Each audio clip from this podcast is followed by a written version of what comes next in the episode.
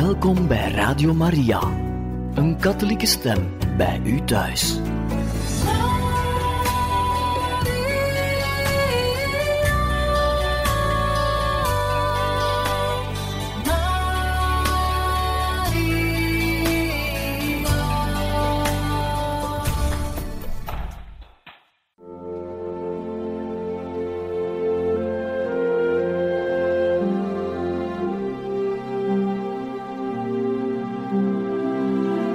Beste luisteraars van Radio Maria, welkom bij het programma Catechismus. Een overweging bij de geloofschat van de kerk.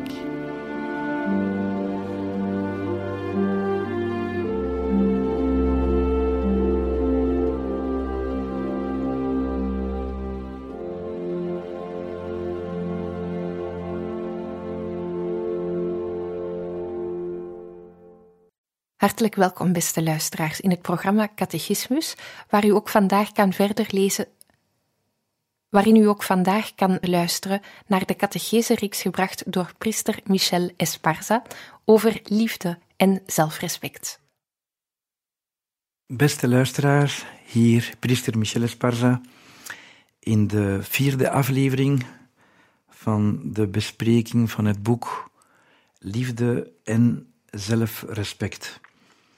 In onze vorige aflevering zagen wij hoe het ideale liefde, de ideale liefde eruit ziet. Um, hoezeer het waar en vrij is, uh, langs binnen en langs buiten. En um, dat het niet gemakkelijk is en, en dat de sleutel om, om, om te groeien in die kwaliteit van de liefde te maken heeft met de, met de houding naar zichzelf. Hm? Met trots, en, uh, en nu gaan we in deze aflevering het hebben over, ja, uh, wat is dat juist, een, ideale houding tegenover zichzelf? Hoe zou de, de houding naar mezelf moeten zijn, idealiter? Hm? Uh, dus we gaan nuances maken over wat de deugd van de nederigheid inhoudt. Um, en dan gaan we ook zien bepaalde gevaren die wij hebben wanneer dat ontbreekt en wij terecht kunnen komen in, uh, ja, in zelfbedrog of in lichtgeraaktheid, overgevoeligheid enzovoort. Hè. Dus eh, ten eerste kunnen we onze vraag stellen, ja, uh, wat betekent juist nederigheid? Nederigheid is, um, betekent zichzelf uh, niet overschatten, niet onderschatten. En de meeste mensen, als ze het woord nederigheid horen, dan denken ze aan, eerder aan, zichzelf onder te waarderen of geringschatten. Uh, nee, het is de twee. Er is hoogmoed, maar er is ook valse bescheidenheid. Dus een, eh, een, door gebrek aan één enzelfde nederigheid zijn er sommigen die, die opscheppen en die, die ijdel worden en die um, men ziet dat ze zelf onzeker zijn en zo. En je hebt er anderen die zich uh, isoleren, zich terugtrekken, uh, schuchter. Uh, hangt ook van het karakter van ieder af. Maar wij hebben de neiging om naar het ene extreem of het andere te gaan. Hm? dus um, nederigheid is de waarheid. en, en één en dezelfde trots zit achter aanstellerij, arrogantie en zo, als achter um, valse bescheidenheid. Ik lees als anekdote in een boek van Georges Bernanos, uh, Dialogue de Carmelite. er is een, een, jonge zuster die aan het spreken is met de priorin en die zegt, uh, ik heb het voornemen genomen om, om, uh, om te denken dat ik de, de, de slechtste ben, of weet ik wat allemaal, ik ben de laatste, weet ik wat. En dan antwoordde wijze priorin, oh ja, je bent er op gebrand als, als aller, allerlaatste in de rij te staan. Goed je ook daarvoor, mijn kind. Wie te diep afdalen wil, loopt het gevaar de juiste maat te verliezen. Ook onbegrensde nederigheid is het begin van hoogmoed. En die hoogmoed is duizendmaal subtieler en gevaarlijker dan de wereldse hoogmoed die meestal maar op wat ijdel vertoon neerkomt. Dus uh, het is een evenwicht. Onszelf niet overschatten, nog onderschatten, ons naar waarde schatten, uh, ons realistisch beminnen, in waarheid beminnen. Zoals de heilige Theresia van Avila zegt. Nederigheid is de waarheid. Het slaat op de waarheid. Hè. Um, in evenwicht. Ja, wij zouden kunnen zeggen dat de mens een zekere neiging heeft om, om, die, twee, om die twee extremen, te neigen naar die twee extremen. Hè. Naar, um, ja, uh, je ziet het zelfs bij, mensen die dronken worden. Hè. Sommigen na een dronkenschap, uh, die zijn zeer sympathiek en beginnen van alles te zeggen, en anderen zitten daar gewoon humeurig, uh, neerslachtig. er bestaat ook in psychiatrie een ziekte, bipolaire ziekte, dat is een eerder aangeboren ziekte. Het is een, waarbij de mensen, de, de, patiënten, dus de zieken, momenten hebben van grote euforie. En dan ineens uh, een grote neerslachtigheid en depressie. Uh, we zouden kunnen zeggen dat er een zekere neiging in de mens is naar de twee uitersten. Hè? Dus het is, rijpheid heeft veel te maken met, met uh, die up en die downs te herleiden. Zo, hè? Het is een hele kunst om dat te doen. Hè? Um, maar eh, als we ons goed kennen, dan zien wij dat die uh, negatieve, uh, die opvatting van nederigheid als eerder een lage dung van zichzelf bijzonder gevaarlijk is. Want een mens heeft behoefte aan, aan, zelfwaardering. En dat is, zelfafwijzing is een van de ergste dingen die, die ons kan overkomen. Hè? Dus een, een, grote zelfafwijzing. Een beetje wil dat allemaal. Er zijn aspecten van ons die, waar, we niet van, waar we niet van houden. Hè. Alleen maar in een ideale relatie kunnen we al onze negatieve kanten plaatsen en, en daar voordeel uithalen. Maar uh, normaal is dat moeilijk. Ehm, goed, dus het is, een, het is een harmonie en een zeker evenwicht. En ieder mens heeft in harmonie, leeft in harmonie met zichzelf en met, men, en met de mensen om hem heen zich bewust van een waardigheid waarvan niemand er niets hem kan beroven. Terwijl hij de moeite doet zich te beteren, houdt hij van zichzelf zoals hij is. En staat anderen toe hem te corrigeren en te beoordelen. Daartegenover trots maakt uh, de een tot een opschepper en leidt bij een ander uit vrees belachelijk gevonden te worden tot een ziekelijke terug, teruggetrokkenheid. Goed. Uh, er zijn mensen die heel mm, oprecht uh, vertellen hoe, ze dat ontdekt hebben. Hè.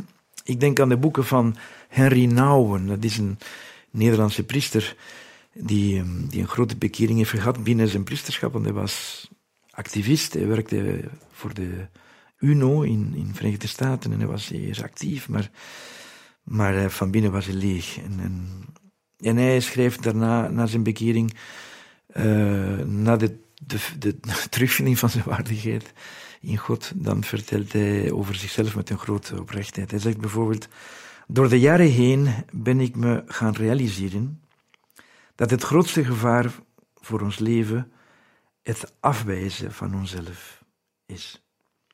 Zeker, de verleidingen van succes, populariteit en macht zijn groot. Maar hoe kwetsbaarder, maar hoe kwetsbaar wij daarvoor zijn, hangt af van de mate waarin we hebben toegegeven aan die andere, veel ernstiger verleiding van zelfafwijzing. Misschien vind je arrogantie een grotere verleiding dan zelfafwijzing, maar is arrogantie niet de keerzijde van zelfafwijzing? Betekent arrogantie niet dat je jezelf op een voetstuk, voetstuk plaatst om te voorkomen dat de mensen je zien zoals je werkelijk bent. Oh, we doen zo vaak aan comedie. Hè? Uh, het is niet evident om, om onszelf te zijn. Uh, ja, daarvoor zouden we een beter moeten leren omgaan met onze tekortkomingen en zo zeggen. Zoals eenvoudige kinderen die, die het normaal vinden van zich te vergissen. Hè? Meestal we doen heel wat comedie. En we vertonen ons. Wij, wij laten niet gemakkelijk in ons hart kijken, bijvoorbeeld. Oef, dat is ongelooflijk. um, en ik heb de indruk dat in de noordelijke landen van Europa, van Europa waar zoveel kwaliteiten zijn, het moeilijker is dan in de Middellandse zeegebieden eh, landen. Zo. Daar, zijn de mensen meer open. In sommige landen uh, worden mensen opgevoed zelfs, uh, ja, zeg niet te veel. Hè. Je zult nooit um, spijtig, spijt hebben over, over een woord dat je niet gezegd hebt. Dus de mensen zijn op hun goede, precies. Mm, enfin, zeer precies achterdochtig. als iemand zich sympathiek toont, wat wil hij van mij, of weet ik wat. Dus we moeten leren ons, ons te, te openen. Hè, en daarvoor is er een grote nederigheid nodig. Goed, wij laten het daarbij, nu een kleine pauze en daarna gaan we verder met, uh, met uh, wat zelfbedrog en lichtgeraaktheid is.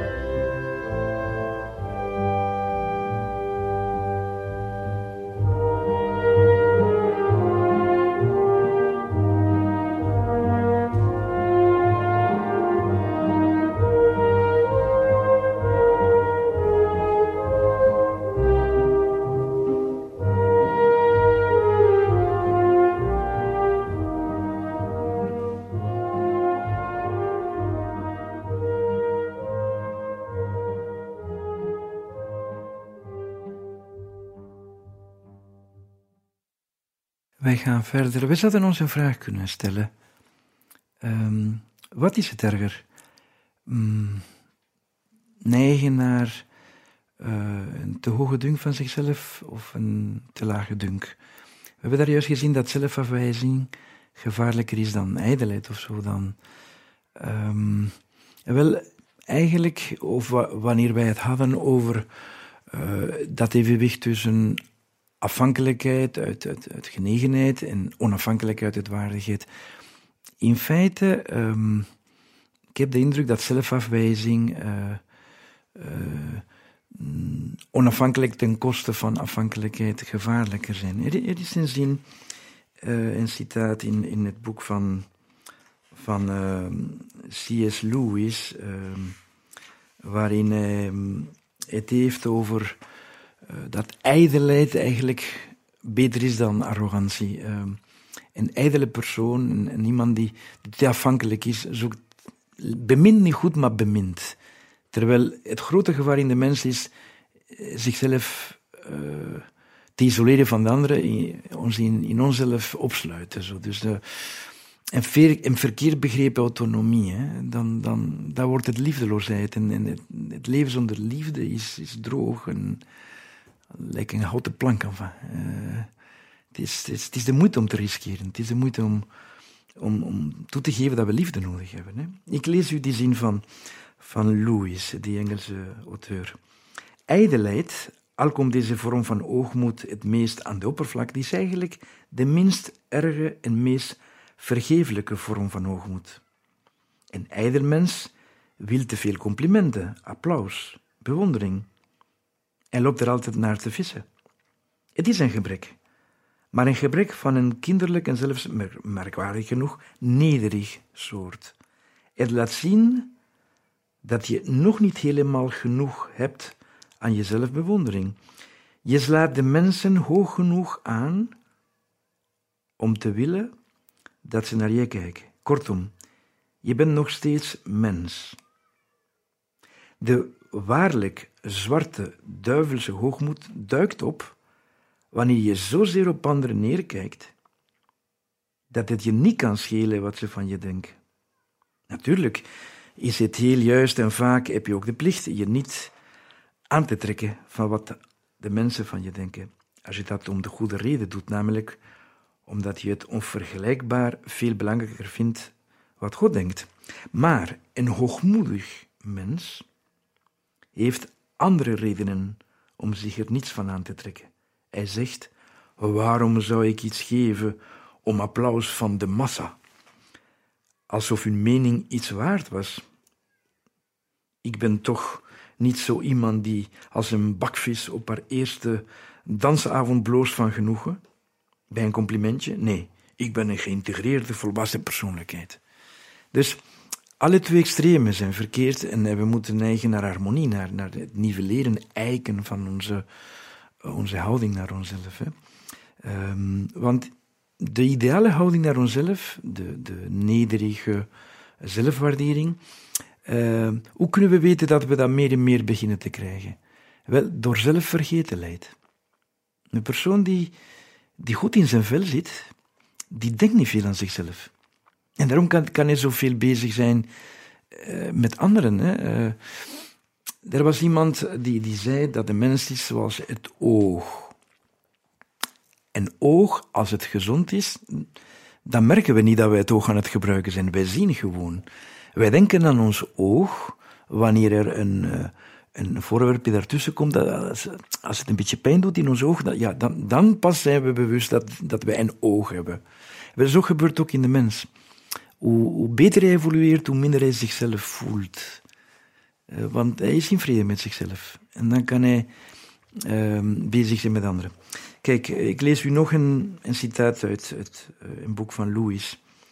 Uh, hij zegt: Meen niet dat een werkelijk nederig mens, mocht u die eens tegenkomen, dan ook zal zijn wat de meeste mensen tegenwoordig nederig noemen. Het zal niet zo'n glibberig, zalvend iemand zijn die altijd maar zegt dat hij natuurlijk niets te betekenen heeft. U zult wellicht alleen maar vinden dat het wel en, vro en vrolijk, intelligent iemand was, die de echte belangstelling toont voor wat u tegen hem zegt. En staat u toch tegen, dan zal dat komen doordat u een beetje jaloers bent op iemand die zo gemakkelijk plezier in het leven heeft. Hij wijdt geen gedachten aan nederigheid. Hij wijdt helemaal geen gedachten aan zichzelf. Dus uh, dat is uh, een, uh, de, de, de ware, de ideale houding naar onszelf. Hè.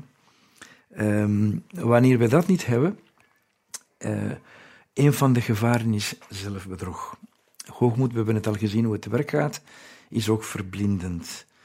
Um, wij zijn, uh, hebben een verstand. Het verstand is van nature gemaakt voor de waarheid. Dus wanneer we onszelf iets proberen wijs te maken, het verstand protesteert. Hè? Maar indien we daar een verdrag mee sluiten, indien we zeggen, ja, maar zo slecht is dat niet, uh, eigenlijk weet ik wat allemaal. We kunnen ons van alles wijsmaken. En het probleem is dat er een moment kan komen dat we waarheid en leugen niet meer van elkaar kunnen scheiden. Hè.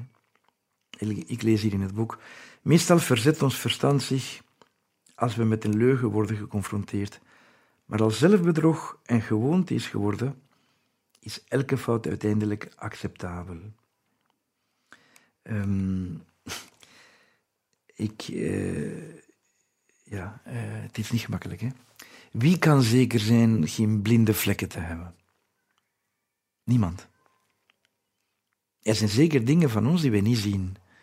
Vandaar het belang van meditatie, van ons uh, bij christenen af en toe op retret gaan of een tijd maken voor meditatie iedere dag. Vooral om, om met de Heer te praten, maar ook om, ons te onderzoeken, om ons te kennen. Uh, en ook het belang van te luisteren naar iemand die ons begeleidt, die ons kent, goede vrienden die ons alles durven zeggen, die de waarheid durven zeggen. Hè? Want soms ziet iedereen een gebrek van, van mij. Iedereen ziet het behalve ikzelf. Zelfbedrog kan enorm vergaan. Hè? Dat zijn al meer pathologische gevallen.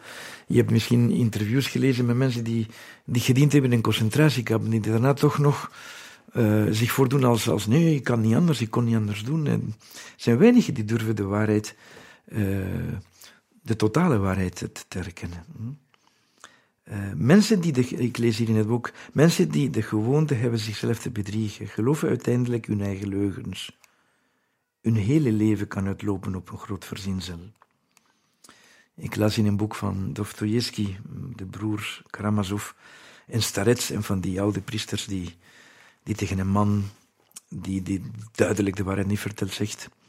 Um, de man die zichzelf bedriegt en zijn eigen leugens gelooft, raakt daarin zo verstrikt dat hij de waarheid over zichzelf en zijn omgeving niet meer kan zien.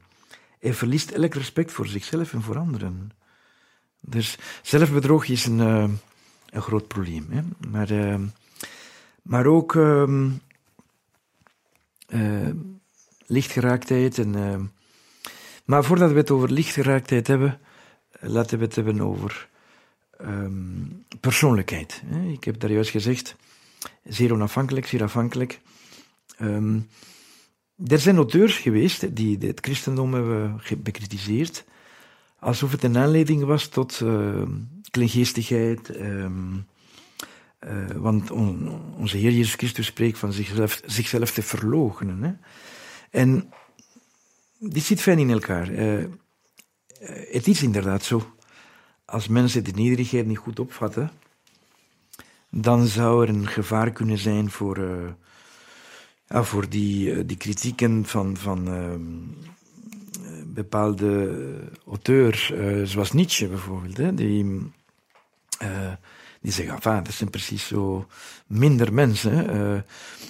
er is een, een een passage in een boek van de heilige Jozef Maria Scriva, waarin hij dat toegeeft. Hij zegt, ik ben met de nederigheid het evangelie zeer ingenomen, maar de schaapachtige, een onnozele schuchterheid van sommige christenen, die zo de kerk te schande maken, stuit mij tegen de borst.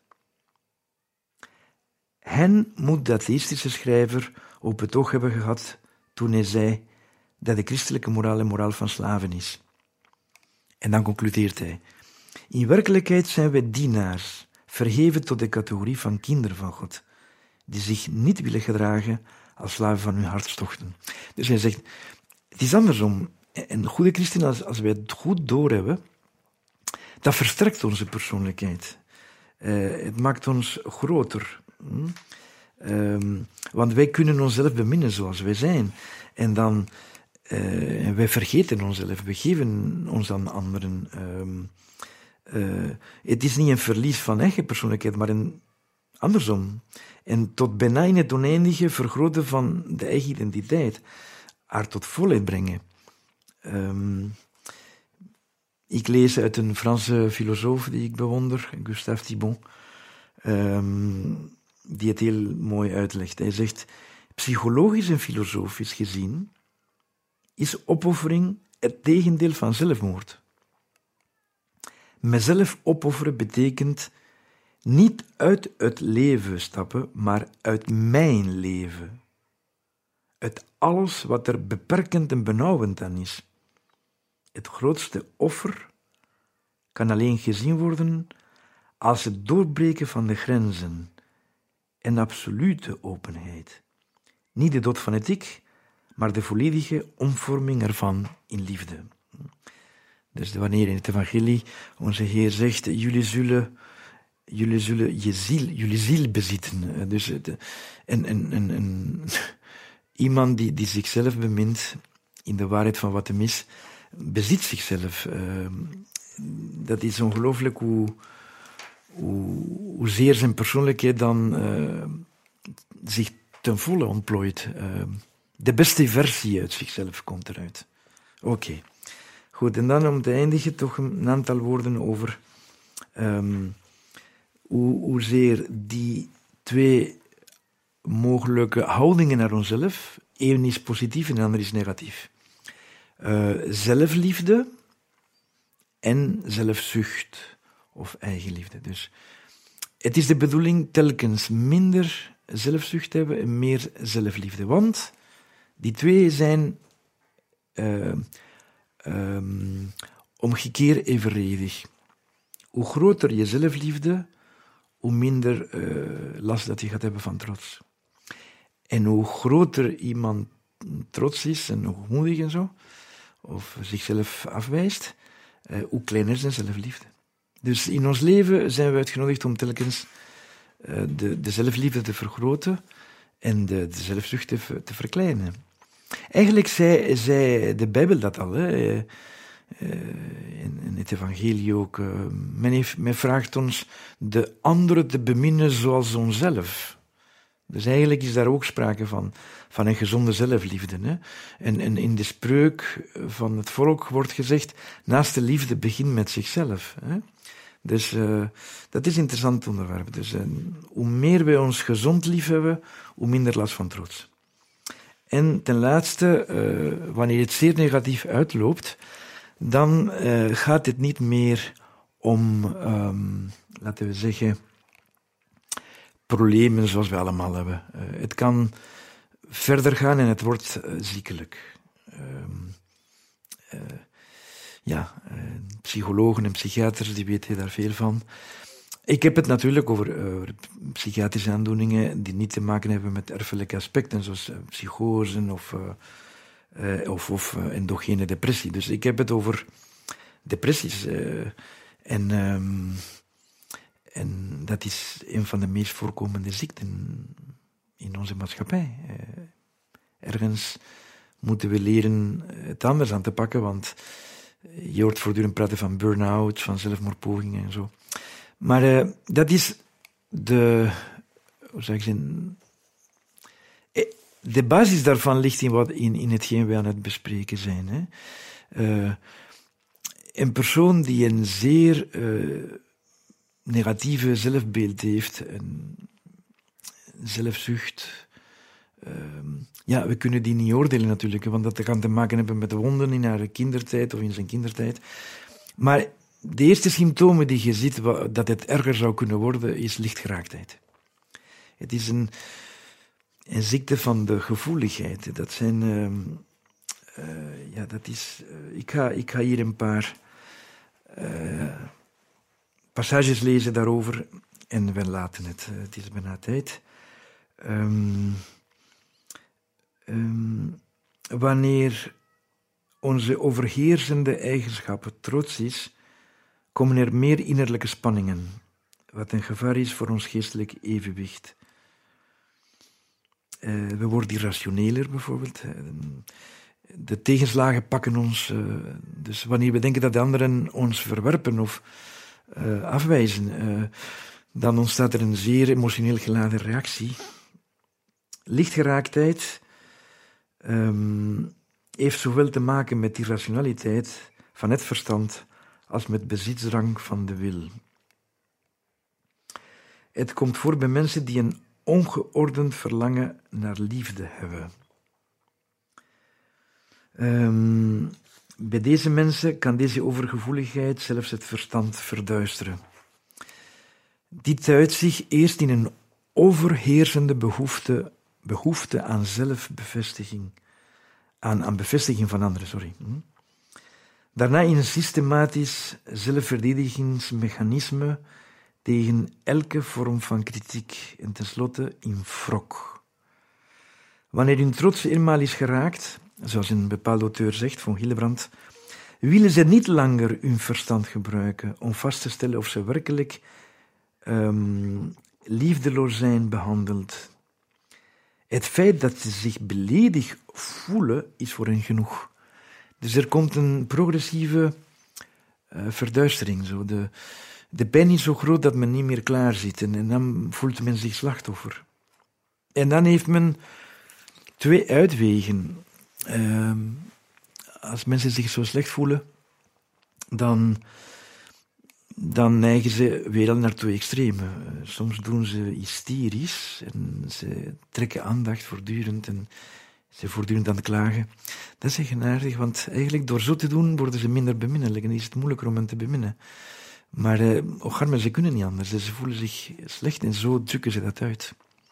En eigenlijk weer al is het beter dat dan het andere extreem. Mensen die zich totaal isoleren, zich terugtrekken, dan, dan geraken die een, enorm gedeprimeerd.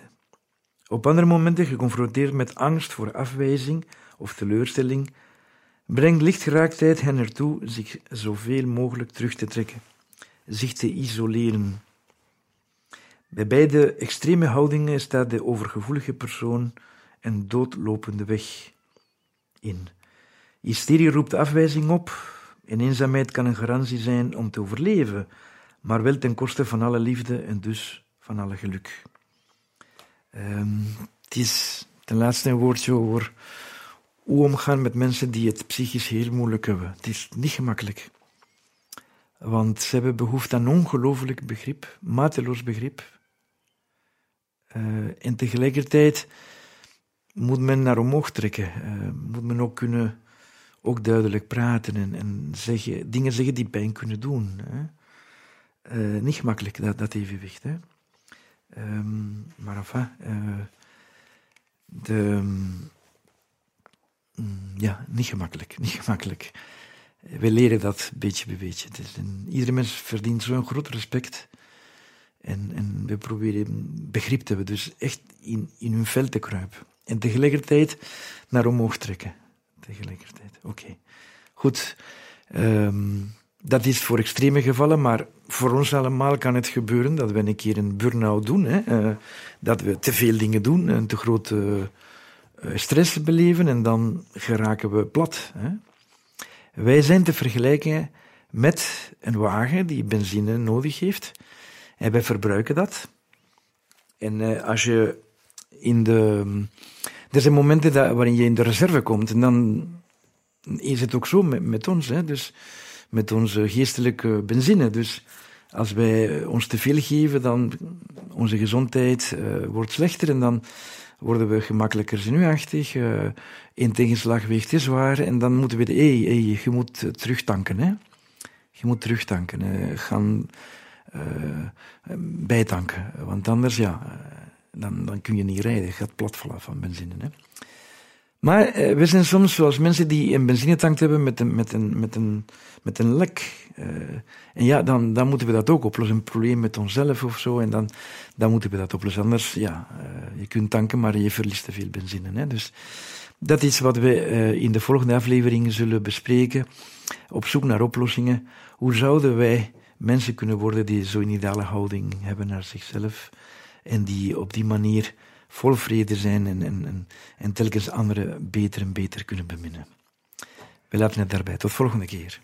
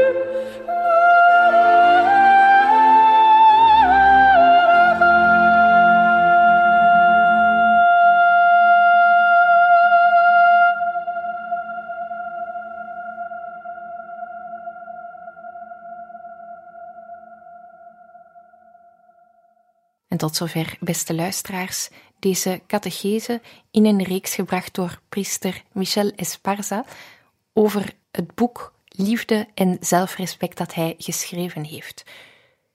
U kan deze en andere uitzendingen altijd herbeluisteren op onze website radiomaria.be.